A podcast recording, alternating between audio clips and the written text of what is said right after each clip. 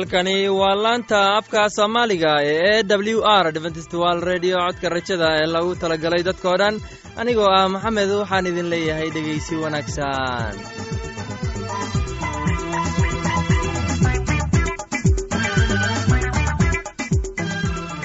Barnaamijyadeena maanta waa laba qaybood. Qaybta koowaad waxaad ku maqli doontaan barnaamijka caafimaadka oo inoo soo jeedinaya shiino kadib waxaa inoo raacaya cashar inaga yimid buugga nolosha uu inoo soo jeedin doona sulaymaan labadaasi barnaamij ee xiisaha leh waxaa inoo dheeraysa daabacsan oo aynu idiin soo xulnay kuwaas aynu filayno inaad ka heli doontaan. Dhegeystayaasheenna qiimaha iyo khadradda lehow waxaynu kaa codsanaynaa inaad barnaamijkeenna si haboon u dhegaysataan. Haddii aad wax su'aalaha qabto ama adaysid wax tala ama tusaale fadlan inala soo xiriir. Dib ayaynu kaaga sheegi doonnaa ciwaankeenna bal intaynan u guuda gelin barnaamijyadeena xiisaha leh. Waxaad marka hore ku soo dhowaataan heestan daabacsan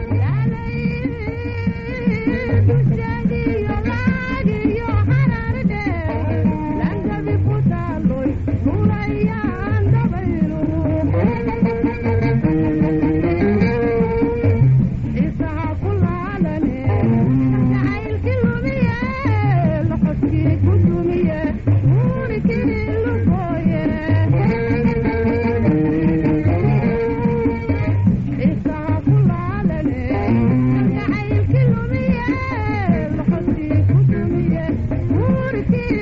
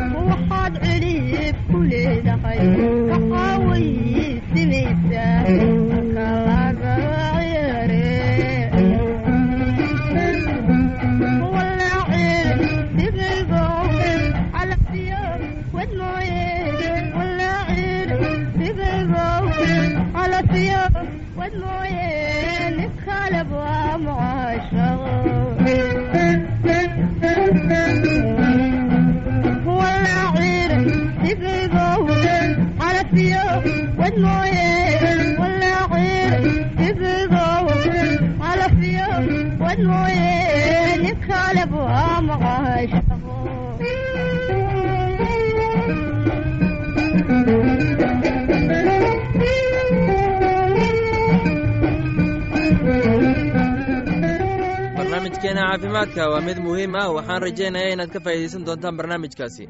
Barnaamijku wuxuu ka hadli doonaa sida loo xanaaneeyo xudunta. Waxaana inoo soo jeedinaya shiino ee dhegaysi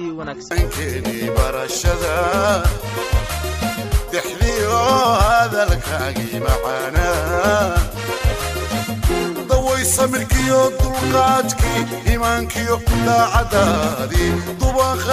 yaa jeclayste naftayda midii ay ku degilay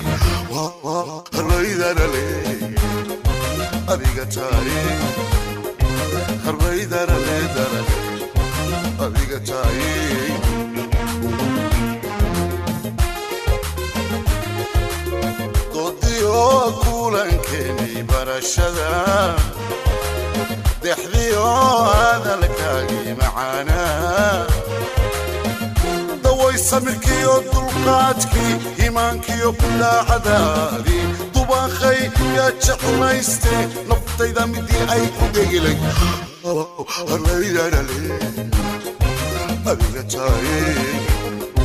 harbaydarale adiga taaye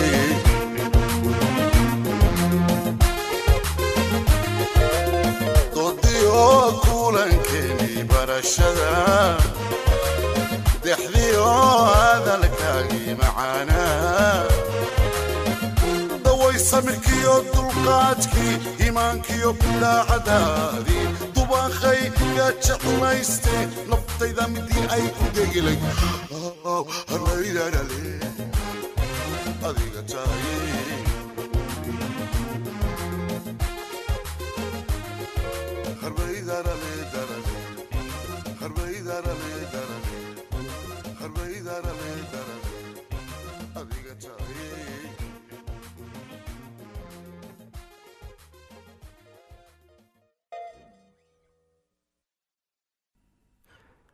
waxaan filayaa inaad ka faa'iidaysateen heestani. Haddana waxaad ku soo dhowaataan barnaamijkii doktor luuq ee caafimaadka. Waa kuma doktor luuq. Kani waa taxanihii barnaamijkii koowaad oo ka hadlayo caafimaadka. Sida oo kale ayaynu caafimaad wacan uga noolaan karnaa caafimaadka wanaagsan ayaynu leenahay hase ahaatee haddii aan ku noolaano caafimaad wanaagsan. Noloshu mar unbay dhammaan doontaa.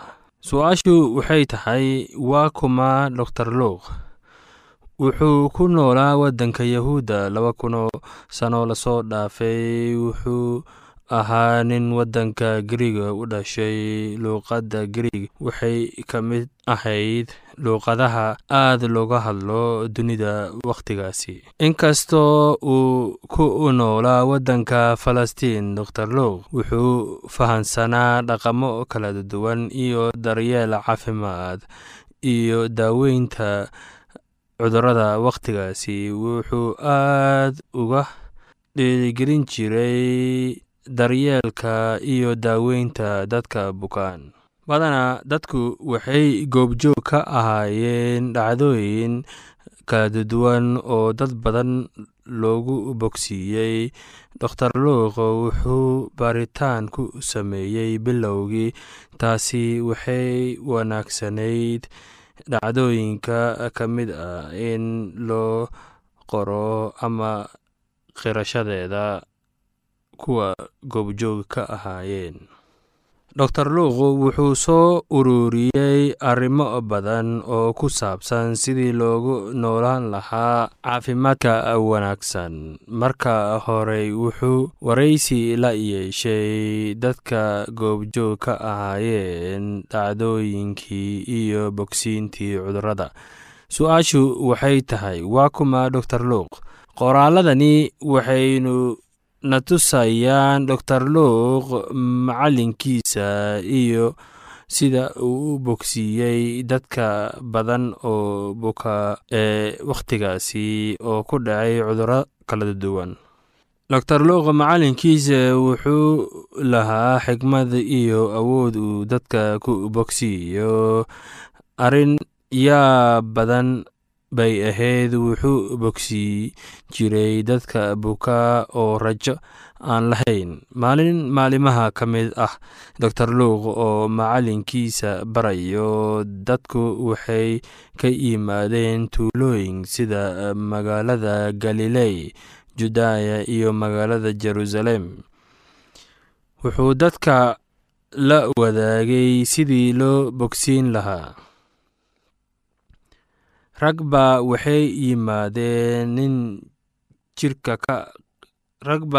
la yimaadeen nin jirka ka qalalay. Markaasay doktor luuq hortiisa dhigeen oo ayna u sheegin cudurka ninkaasi hayo. Wuxuu u jeediyey tuulo oo ah sidii ay u daaweyn lahaayeen ninka buka ninkii daarin buu ku jiifay markaasuu siiyey daawooyin uuna ku jiiray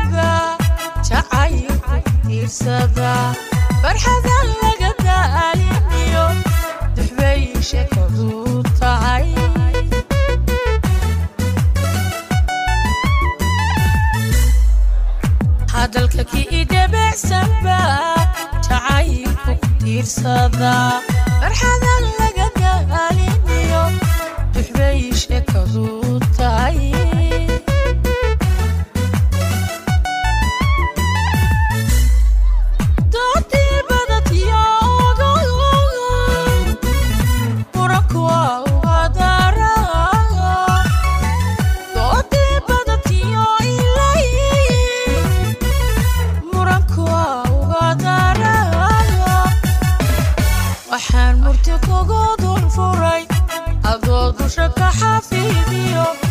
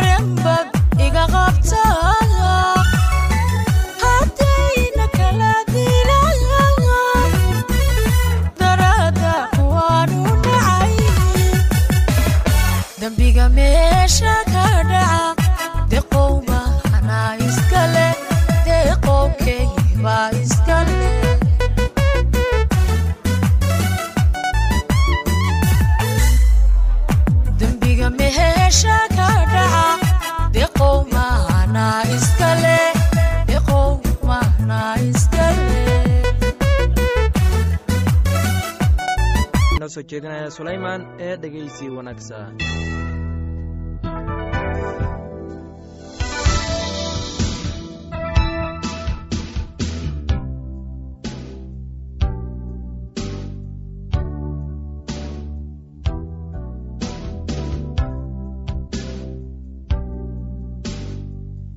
Dhegaystayaal walaalayaalna waxaa halkaasi ka sii wadi doonaa qisadii ku saabsanayd daa'uud oo la dagaalamaya dadka reer falastiin isaga iyo addoommadiisii kale.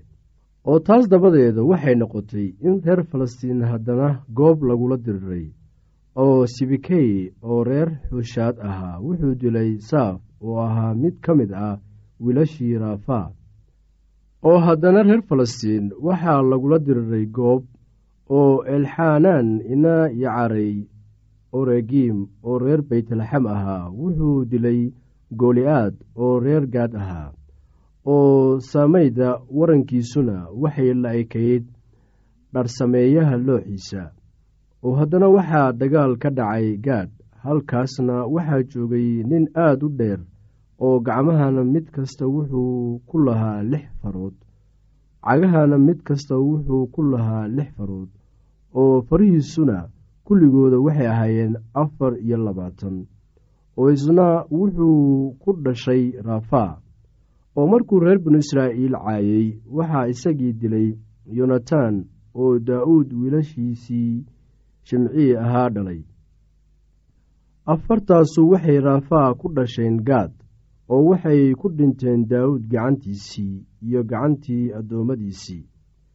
Daa'uud wuxuu rabbiga kula hadlay erayadii gabaygan maalintii rabbigu ka samato bixiyey gacantii cadaawayaashiisa oo dhan iyo gacantii sawlba oo wuxuu yidhi rabbigu waa dhagax weyn oo igabaad ah iyo qalcaddayda iyo samato bixiyahayga xataa waa kayga iyo ilaaha ah gabaadkayga isagaan isku hallayn doonaa. Isagu waa gaashaankayga iyo geeska badbaadadayda iyo muraayadayda dheer iyo magangalkayga iyo badbaadshahayga waxaad iga badbaadisaa dulmiga. Waxaan baryayaa rabbiga istaahilaa in la ammaano oo sidaasaan cadaawayaashayda kaga badbaadin doonaa. Waayo waxaa i hareereeyey hirarkii dhimashada oo waxaa i cabsiiyey daadkii cibaadola'aanta waxaa igu wareegsanaa xadhkihii sheeool oo waxaa i qabsaday dabnidii dhimashada. Anigoo cidhiidhi ku jira ayaan rabbiga baryey haa waxaan u qayshtay ilaahay oo isna codkayguu macbudkiisa ka maqlay oo qayladayduna dhegihiisay gashay. Markaasaa dhulku ruxmay oo gariiray oo samada aasaaskeediina wuu dhaqdhaqaaqay oo wuu ruxmay maxaa yeelay ilaah waa cadhaysnaa. Oo dulalka sankiisa waxaa ka soo baxay qiiq afkiisana waxaa ka soo baxay dab waxgubaya oo dhuxulaa ka shidmay isaga. Oo saamooyinkiina wuu soo foorarshay oo hoos buu u soo degay oo cagihiisana waxaa hoos yeela gudcur weyn wuxuuna fuulay keruub wuuna duulay. Haa waxaa lagu arkay isagoo fuushan dabaysha baalasheeda oo gudcurkii wuxuu ka dhigay taambuug hareerihiisa ku wareegsan iyo biyo urursan iyo daruuraha qarada waaweyn oo cirka oo nuurka hortiisa yaal aawadiisna dhuxulo dab ah ayaa shidmay rabbiguna wuxuu ka onkaday samada. Sareeyuhuna wuxuu ku dul hadlay codkiisa. Markaasuu fallaaro soo ganay oo kala fadhiyey iyagii oo wuxuu soo diray hilaac wuuna baabi'iyey iyagii. Oo canaantii rabbiga aawadeed iyo dulalka sankiisa neefta ka soo baxaysa aawadeed ayaa durduradii baddu la muuqdeen oo aasaaskii duniduna wuu soo bannaan baxay. Xagga sare ayuu cid ka soo diray oo wuu i qaaday oo wuxuu iga soo dhex bixiyey biyo badan. Wuxuu iga samato bixiyey cadowgaygii xoogga badnaa iyo kuwii necbaaba waayo iyagu way iga xoog badnaayeen.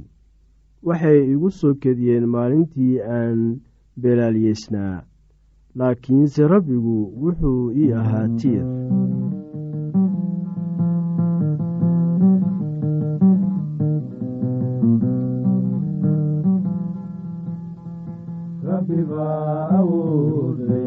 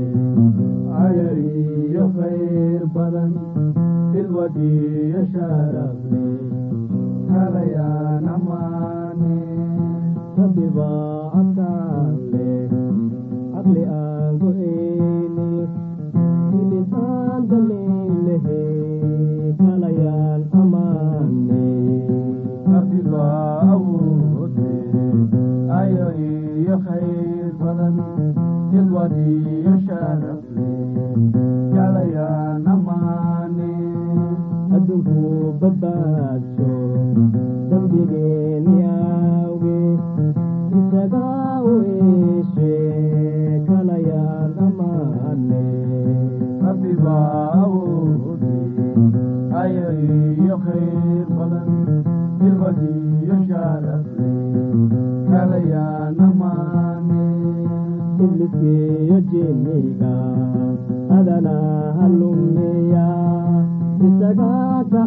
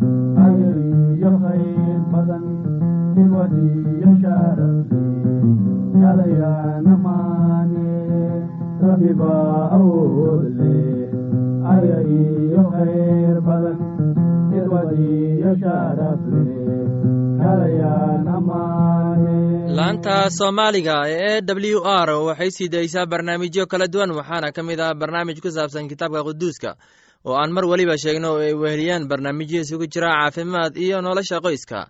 Casharkaasi inaga yimid bugga nolosha ayaynu ku soo gagabaynaynaa barnaamijyadeena maanta.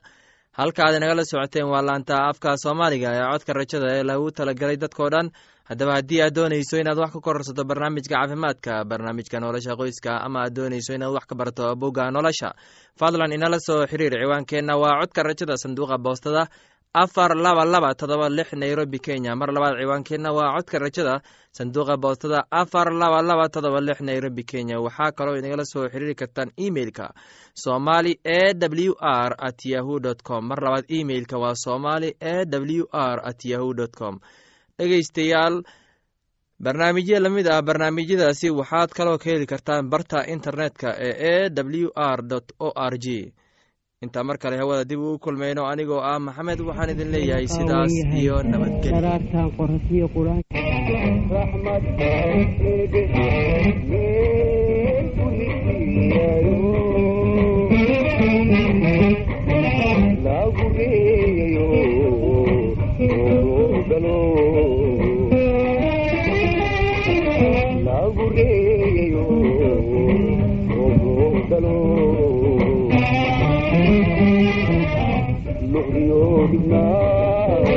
qabaqaadayo ka dhexyeynay qaysiyo xariir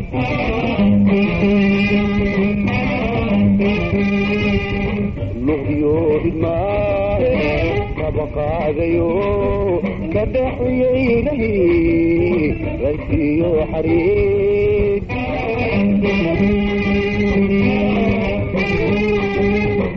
ramashidu indhaa wayuuruntahe miaraba ramashidu indhaa wayuuruntahe miaraba raxadii adduunka feeraan yagleele raxadii adduunka feeraan yagleele labadii isku dhaysiyo isku ruux ma noqona raxadii adduunka feeraan